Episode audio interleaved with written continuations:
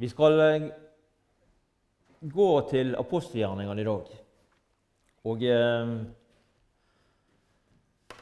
da eh, Jeg får si det sånn det blir en, en rask gjennomgang av apostelgjerningene. Vi skal heller gå inn på ting eh, eh, seinere, men eh, akkurat eh, i dag så har jeg tenkt å bare kjøre noen få punkter, litt spredt, inn i apostelgjerningene. Og så, eh, for det er mye stoff å ta av. Og det er veldig interessant å lese. Og hvis ikke du har eh, studert litt av apostelgjerningene, så bruk litt tid på den. Det er veldig mye godt som var skrevet om de første kristne, og eh, det arbeidet som eh, ble drevet på den tiden der. Og Apostelgjerningene er egentlig en eh, andre delen av et dobbeltverk som Lukas er forfatter til. Lukas sier sjøl at i den første boken så skrev han om alt som Jesus hadde begynt å gjøre her nede på jord. Gjøre og å lære. Nå vil han skrive om det som Jesus eh, etter han var oppstått, fortsatte med å lære og gjøre gjennom sine vitner og sin ånd. Denne delen eh, av Lukas sitt verk det fikk til slutt sin egen tittel, som i dag heter apostelgjerningene. Det er vanskelig å se når han er skrevet, men et, uh, sånn rundt om uh, år 61 til 64 blir apostelgjerningene skrevet. Og Dette her er den kristne kirkes første historiebok og er derfor av uvurderlig verdi. Det er bare noen få av apostlene som er omtalt i apostelgjerningene. Og Det er bl.a. Eh, Paulus, Johannes og Jakob, og ikke minst og ikke minst eh, jeg sa Peter, Johannes og Jakob, og ikke minst Paulus, som eh, vi skal litt inn på i dag. Det er to hoveddeler. Kapittel 1 til 12 så omhandler det stort sett jødemisjonen. Altså misjonen blant jødene. Og her er det Peter hovedperson. Den andre delen, kapittel 13 28, eh, den skildrer begynnelsen på hedningemisjonen, med Paulus som hovedperson. Og Når vi leser i apostelgjerninga, så ser vi at evangeliet det hadde stor framgang. Det, står, det leser vi flere ganger. Det hadde stor fremgang. Og, den, og og temaet, kan vi godt si, temaet i apostelgjerningene, det finner vi i kapittel 1 i apostelgjerningene. Og eh, vi leser vers 8.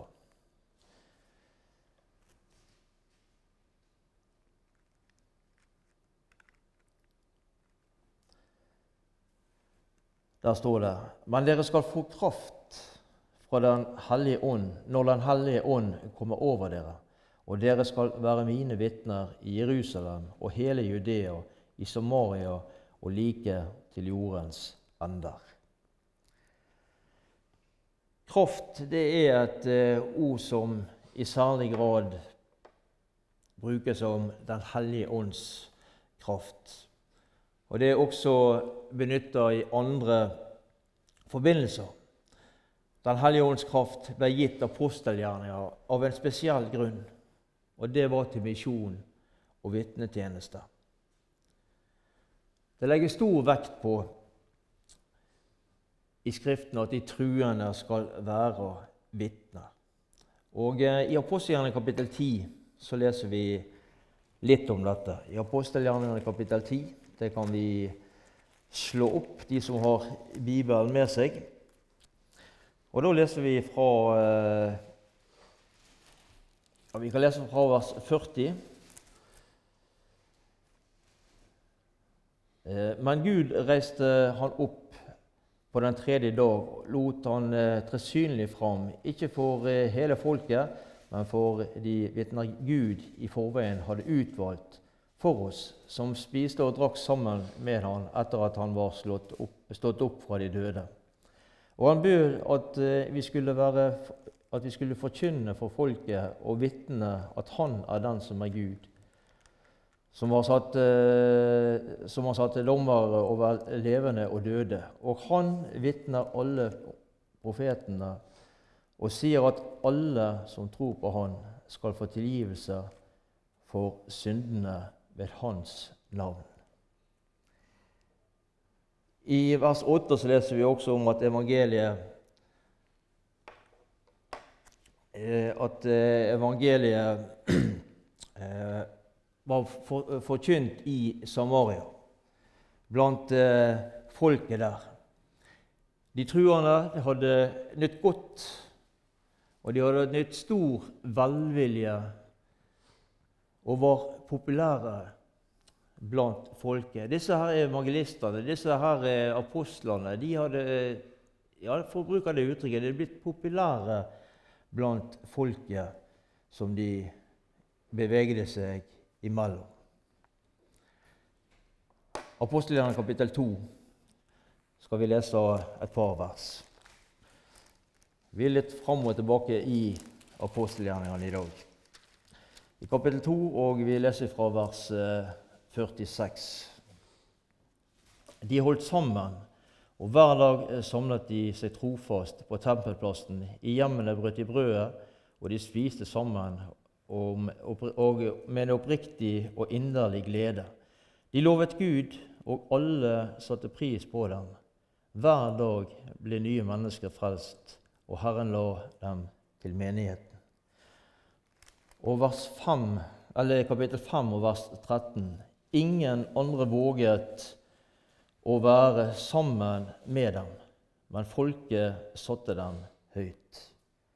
Så de hadde så, så, de var populære, for å bruke det uttrykket, iblant folket som de gikk iblant.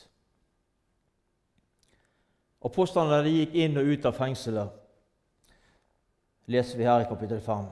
Og de forkynte Guds ord, og mange tegn og under fulgte med dem. Og det står at eh, det kom mengder med folk fra byene rundt Jerusalem som hadde med seg personer som var syke, og som var plaga av urene ånder. Og Så står det i vers 16b, altså de tre-fire siste ordene i vers 16, og alle ble helbredet. Her var det ikke noe unntak. Alle ble helbredet. Vi leser fra kapittel 5 og vi skal lese ifra vers 17 og eh, nedover der noen vers. Kapittel 5 og ifra vers 17. Øverstepresten og alle som var på hans side, og deres advokerpartiet, ble fylt av forbitrelse og grep nå inn. De arresterte apostlene og kastet dem i byfengselet. Men en Herrens engel åpnet fengselsportene om natten førte dem ut og sa:" Gå og still dere opp på tempelplassen og forkynn for folket hele budskapet om livet. Disse ord, eh, disse ord fikk, de, de, fikk, dem til å gå til eh, tempelet tidlig neste morgen, og de leste, og der lærte de folket. Imens kalte østerpresten og hans tilhengere sammen rådet, hele Israels eldste råd. Så sendte de bud til fengselet for å hente apostlene. Men, vaktene, men da vaktene kom, fant de dem ikke i fengselet. De vendte tilbake og meldte. Vi fant fengselet forsvarlig stengt, og vokterne sto ved portene.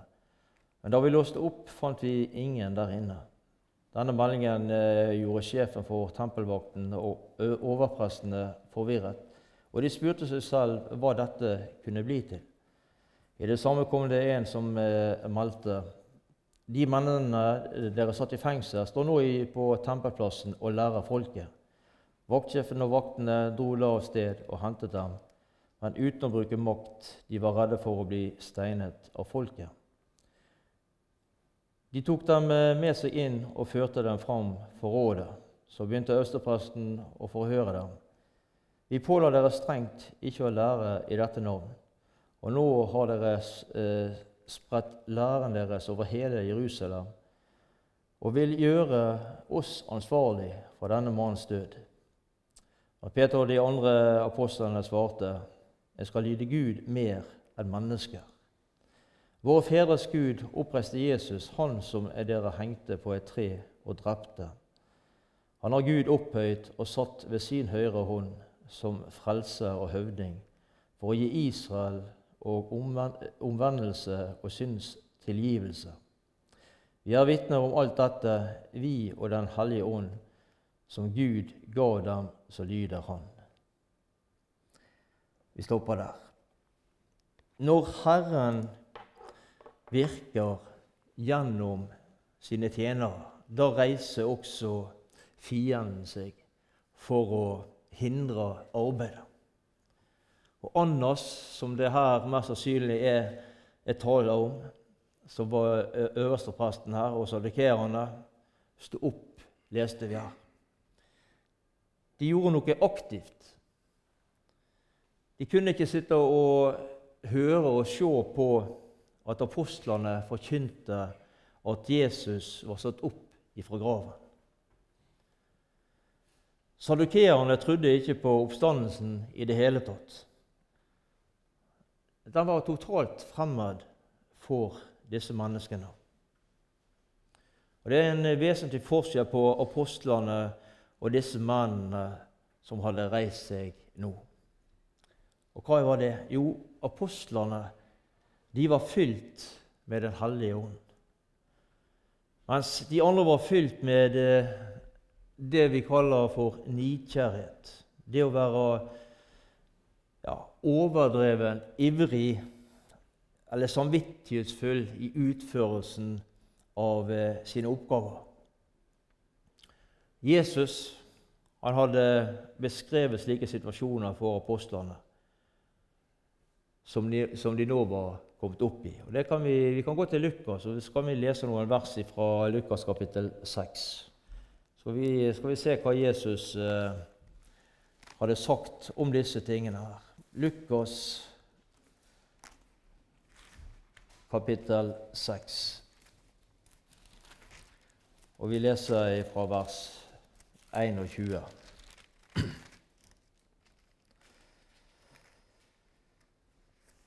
Ja, Salig er dere som nå hungrer, for dere skal mette. Salig er dere som nå gråter, for dere skal le. Salig er dere når folk hater dere, når de utstøter dere og håner dere og skyr navnet deres som noe ondt for menneskesønnens skyld.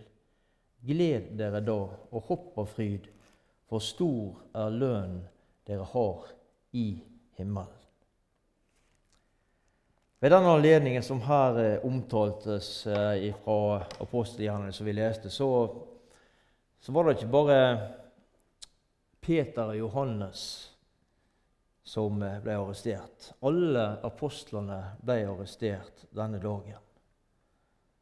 Men så skjedde det noe denne natten. En Herrens engel, leste vi, kom og åpnet fengselsportene fengselsdørene. Det er ofte et guddommelig mann som eh, mange ganger kommer i veien for menneskelige planer. Ingen bolter eller fengselsdører er så sterke og solide at ikke Herren kan fjerne de og bane vei for sine tjenere. Legg merke til det. Det er ingenting som stoppet apostlene fra å forlate fengselet. De var sikkert fortvila over å sitte der inne. Og det kan godt hende de tenkte det at uh, dette her kan i hvert fall ikke Gud ordne opp i. Dette kan ikke Gud gjøre noe med. Og så var det nettopp det han kunne. så leser vi i Lukas 1, 37 at ingenting er umulig for Gud. Og Det var nettopp eh, dette de fikk oppleve. At ingenting er umulig for Gud. Gå av sted, sier engelen til dem. Stå fram i tempelet og forkynn for de dere møter. Nei, vi leste ikke det. Vi leste det at eh, Forkynn alle folk dette livs ord. Det var oppgaven som apostlene fikk. Forkynn alle folk dette livs ord. Hvordan er det med oss som sitter i arken i dag? Hvordan er det med misjons- og vitnetjenesten vår?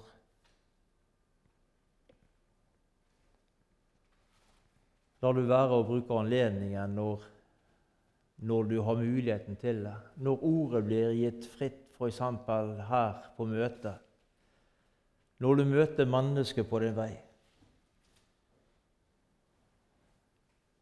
Hvordan agerer vi da? blir vi sittende. Fordi at eh, det er noe som kalles menneskefrykt. Vi er, at en føler at en ikke er like flink som alle andre til å formulere seg osv. osv. Kjære venn, om du har det slik, så er ikke disse tankene ifra Gud.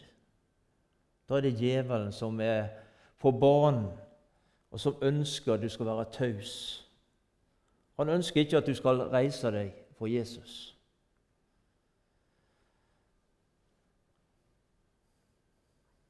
Er det noe han sitter alt inn for å forhindre, så er det nettopp det. Har Gud minnet deg om noe, så er det noe som, eh, som trenger å høre nettopp dette. her på møtet, eller mennesker som som du møter på din vei. Vær frimodig.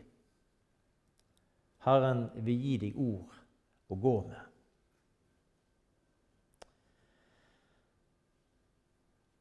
Så leste vi om, eh, om øversteprestene. Og eh, i vers, eh, i vers 28, som vi, som vi, leste derover her i, eh, i kapittel 5 De var reist seg. De unngikk her å nevne Jesu navnet. Men eh, Peter derimot, han skammer seg ikke over dette navnet når vi leser her i vers 30, kan vi lese i, eh, i kapittel 5. Men Peter og de andre apostlene svarte, 'Jeg skal lyde Gud mer enn mennesker. Vår fedres Gud oppreiste Jesus, han som dere hengte på et kors og drepte. Han har Gud høyt oppøyet ved sin høyre hånd, som frelser og høvding for å gi Israel omvendelse og synstilgivelse.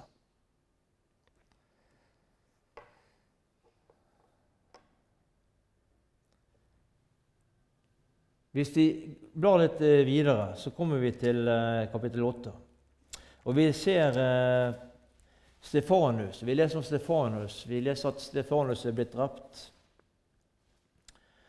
Og Saulus, som han eh, den gangen het, hadde gitt samtykke til mordet på Stefanus.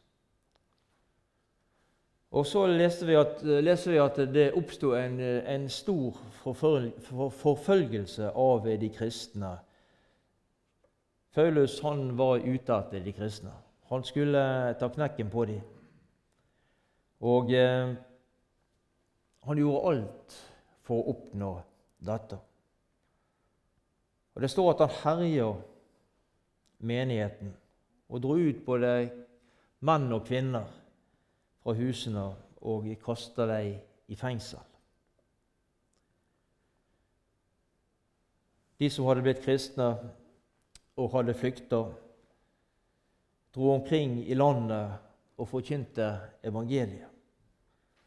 Og Philip var en av disse. Han dro rundt i, i Samaria og forkynte det glade budskap. Men så, men så, kom det en Herrens engel til Philip og sa og Det, i, det kan vi lese i kapittel 8 eh, vers 36. Vi skal lese det verset der. Mens de kjørte langs veien, kom de til et sted Eller i, unnskyld, i vers 26 skal vi lese først. Der står det en Herrens engel talte til Philip og sa:" Gjør deg klar og dra sørover på veien fra Jerusalem til Gaza.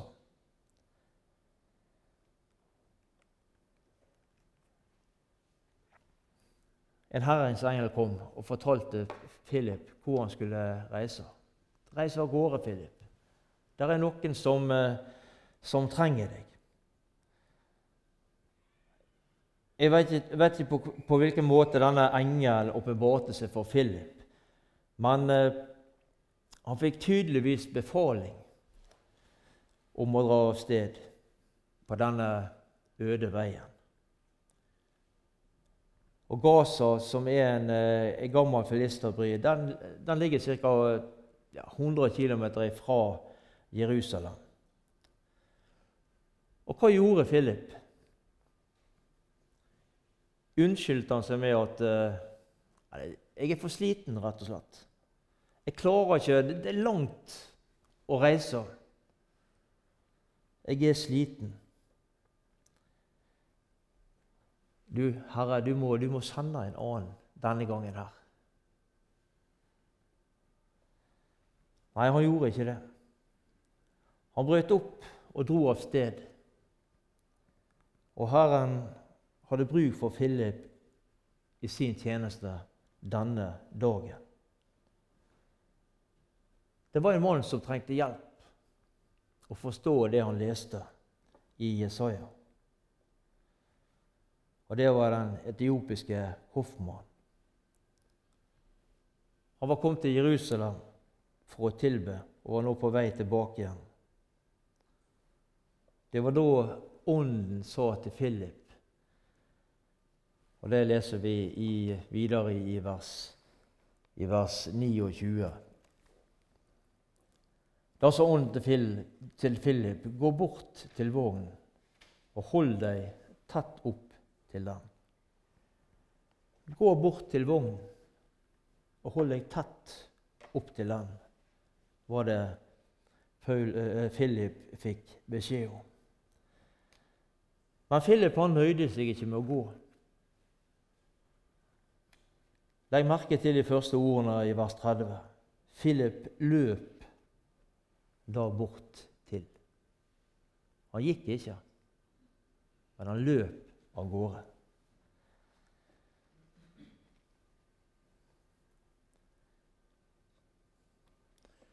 Det er litt av en iver Philip viser her. Det var ikke snakk om å gå, men han løp av gårde. Da han kom bort, så, eh, så, fikk, han, eh, så fikk han prate med denne her hoffmannen. Og så spør han så spør han eh, denne karen her Forstår du hva du leser? Og svaret som Hoffmann kommer med, det ser du i vers, i vers 31 her i, i kapittel 8. Hvordan skal jeg eh, kunne forstå, sa han, når ingen forklarer det for meg? Da er det evangelisten Philip stiger fram og forkynner evangeliet for denne hoffmannen. forkynne evangeliet om Jesus. Det var ikke en, masse ord om eh, vær og vind. Nei, det var direkte tale. Det var evangeliet som eh, ble forkynt denne dagen. Det var det som var det viktigste for Philip å formidle til denne hoffmannen. Hvordan er det med oss? Er, det, er vi ivrige i tjenesten, for å bruke det uttrykket? Eller iveren begynt å stilne? Stagnere? Eller dabbe av? Vi synger en sang 'Tenn meg, Jesus, la meg være hver en dag et lys for deg'. Alltid leve deg til ære. Led meg du på all din vei. Gjør meg vill og varm, gjør meg villig, varm og våken. Kjære Jesus, led meg frem.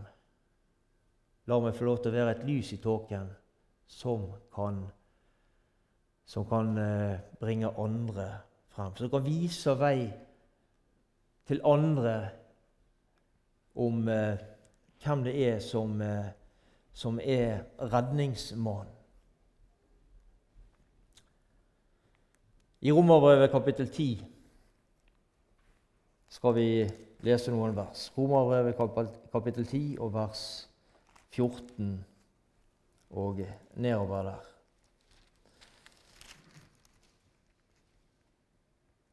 Men hvordan kan de påkalle en de ikke tror på? Hvordan kan de tro på en som de ikke har hørt om? Og hvordan kan de høre dersom ingen forkynner? Og hvordan kan noen forkynne hvis de ikke er utsendt? Det står jo skrevet hvor herlig lyder fottrinnene av dem som bringer et godt budskap. Men ikke alle var lydige mot evangeliet. Jesaja sier, 'Herre, hvem trodde vårt budskap?' Så kommer da troen av budskapet en hører, og budskapet kommer av Kristi ord. Hvordan kan en eh, tro på noe som eh, en ikke har hørt om? Det, det sier jo seg sjøl at det, det, går ikke an.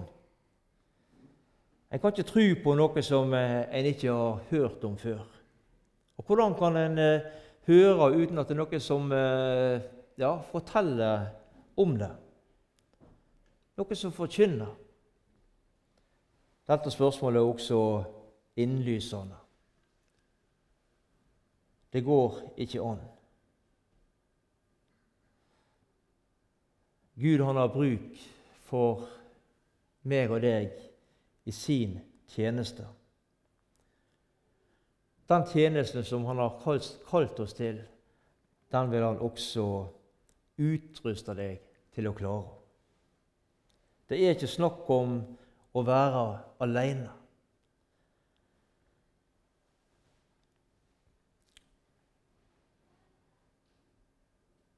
Det er ikke snakk om å bli kasta ut i det, for å bruke det uttrykket.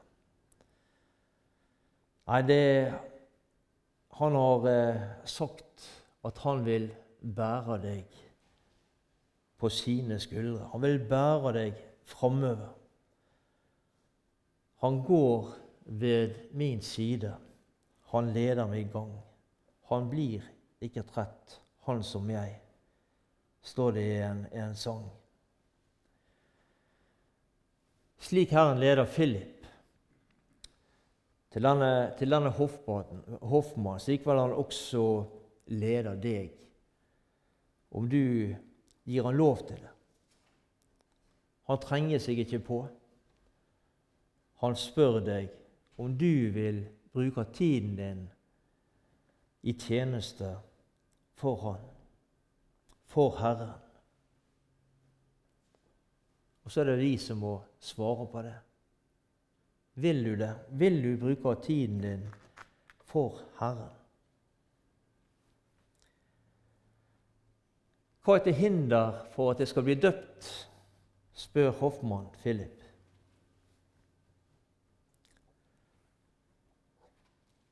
Og Philip svarer i vers 37. Vi kan lese 36 òg. Mens de, hørte, mens de kjørte langs veien, kom de til et sted hvor det var vann, og hoffmannen sa, 'Her er vann. Er det noe til hinder for at jeg blir døpt?' Så lot han vognen stanse, og begge to steg ned i vannet, både Philip og hoffmannen, og Philip døpte han. Han hadde fått sett noe denne dagen, denne hoffmannen. Han hadde fått sett Jesus gjennom det han hadde blitt fortalt og forklart gjennom Philip. Det han hadde lest i Jesaja 53, som han ikke forsto, før han fikk det forklart fra Philips side. Han hadde fått møtt Jesus og tatt imot han i sitt hjerte. Tror du eh, Philip var glad over det som hadde skjedd? Vi skal lese et vers fra Lukas igjen, som, eh, som sier noe om dette. Lukas kapittel, eh, kapittel 15, og vi skal lese vers 7. Jeg sier dere, på samme måte blir det større glede i himmelen over én synder som vender om, enn over 99 rettferdige som ikke trenger omvendelse. Det var glede i himmelen denne dagen når denne hoffmannen vendte om og fikk trua på Jesus i sitt hjerte. På samme måte som det var glede i himmelen når du ga deg over til Jesus en dag, så var det glede i himmelen også denne dagen. Philip sitt oppdrag var med dette slutt. Og det, skjedde, og det skjedde på en eh, mirakuløs måte, hvis du leser siste verset i eh, Eller slutten av eh, av kapittelet som vi, som vi, leste i nå i sted. Det var ingen, det var ingen som liksom kjente til hva som skjedde, denne, denne bortrykkelsen. Men så leser vi i eh, og Det kan vi lese det siste verset i, i det kapittelet for å se at uh, dette her er noe som uh, Noe som uh, Det står det at at Philip han, han fikk eller De så han igjen en annen plass etter denne bortrykkelsen. Så Philip sin, sin, evangelisering og sine gjerninger var heller ikke slutt med denne bortrykkelsen. Han ble satt igjen, og han eh, fikk være et vitne videre for Jesus der han var. Saulus han eh, hvis vi leser litt videre, at han var fast bestemt på å ta, ja, ta knekken på de kristne. Rett og slett ta knekken på dem. Og eh, i kapittel 9 i Apostelgjerningene så leser vi eh, hvordan dette gikk til. Vi leser fra vers 1, eh, 1 og 2. Saulus raste fremdeles mot Herrens disipler og truet dem på livet. Han gikk til øverstepresten og ba om brev til synagogene i Damaskus med fullmakt til å, alle de, all, eh, til å føre alle de som han fant som hørte til veien, i lenker til Jerusalem, både menn og kvinner. Er det sånn ba øversteprestene om dokumentasjon eh, som han kunne ha med seg til eh, Damaskus for å for å utføre husundersøkelser bl.a. og arrestasjoner. Han øyde seg ikke bare med Jerusalem og Judea.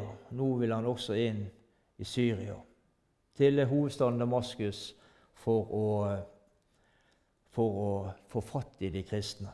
Og Damaskus var, det var ikke noe, det var en lang reise. Det er ca. 230-235 km fra Jerusalem. I vers 3 så leser vi videre her i kapittel 9. Da han var underveis og nærmet seg Damaskus, strålte plutselig et lys over himmelen omkring ham. Han falt til jorden og hørte en røst si til ham, 'Saul, Saul, hvorfor forfølger du meg?' Han spurte, 'Hvem er du, Herre?' Og svaret lød, 'Jeg er Jesus, han som du forfølger.' Det var med middagstid dette hendte. Og eh, Solen er sterk på den tiden, og, men dette lyset var mye større enn eh, det sollyset som var der. Saul var nesten framme i Damaskus når dette skjedde.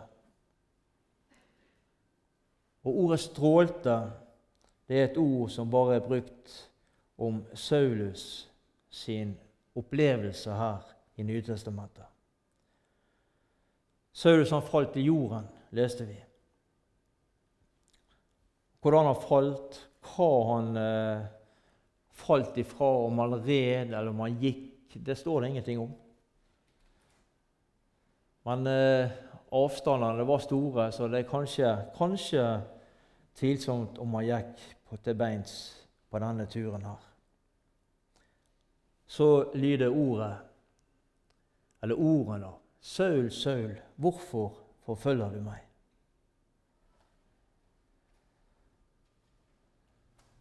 I apostelen 26, 14 så leser vi også dette. Eh, det blir hardt for deg å stampe mot brodden. Legg merke til én ting, når, eh, og det er at når, eh, når Herren gjentar et navn på en person, så er det noe spesielt som er i hende. Det er noe spesielt som eh, er på ferde. Vi kunne ha lest, men vi tar ikke oss tid til det nå. Men eh, det står om Abraham eh, når han skulle ofre Isak, så brukte Herren to ganger navnet hans. Det står om Samuel når Herren kalte han til tjeneste i første Samuel. Han ropte 'Samuel, Samuel', osv. Det er flere plasser i Bibelen der, er, navnet, når, navnet blir eh, gjengitt to ganger, så er det noe spesielt, noe som er på ferde. Og det var det også her. Når Saul forfølger de, de som, forfulgte de som eh, tror på, på Jesus, så, så, var det Jesus som han forfulgte. Og Herrens tale talte til, til Saulus på hebraisk denne dagen. Det skulle ikke være noe misforståelse i det som ble sagt. Hvem er du, Herre, spør Saulus. Jeg er den som du forfølger. Jeg tror ikke Saulus hadde, hadde tenkt muligheten om at det skulle bli stilt et slikt spørsmål og få et slikt svar igjen. Han trodde han forfulgte en del mennesker her på jorden. Men så får han høre det ifra, ifra Jesus sjøl om at uh, det er meg du forfølger. Det er ikke hvem som helst, men det er meg du forfølger. Herrens tale til Saulus videre den er den er mer fremtidsretta. Han skal få vite hva han skal gjøre heretter, osv. På denne dagen, på dette tidspunktet, så slettes alt ut. Alt det gamle blir sletta ut for, for, for Saulus, og et nytt liv begynner.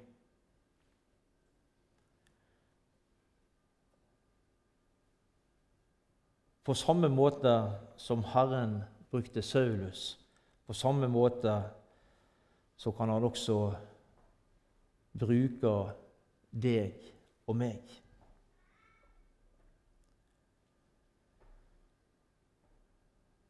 Saulus var inget perfekt menneske.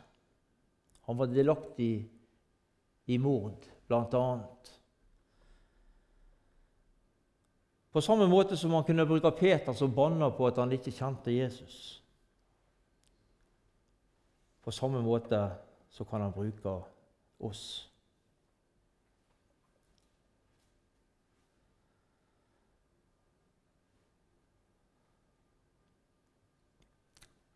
Når vi kommer til Han, så står Han der med åpne hjerter, med åpne armer, og tar imot oss akkurat slik som vi er. Vi trenger ikke pynte på oss på noen som helst måte. Han kjenner oss, han veit hvordan vi er, og eh, han ser deg rein i Jesus. Og det er fantastisk. Det er fantastisk å vite.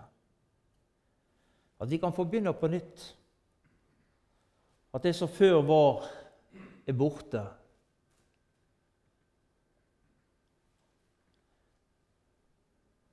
Det, det avslutta det ble avslutta ved hans død da han nagla det til korset. Så kan vi få begynne på nytt sammen med Jesus, på samme måte som Saulus fikk begynne på nytt denne dagen. her. Han har ikke lovt et, eh, et liv uten problemer.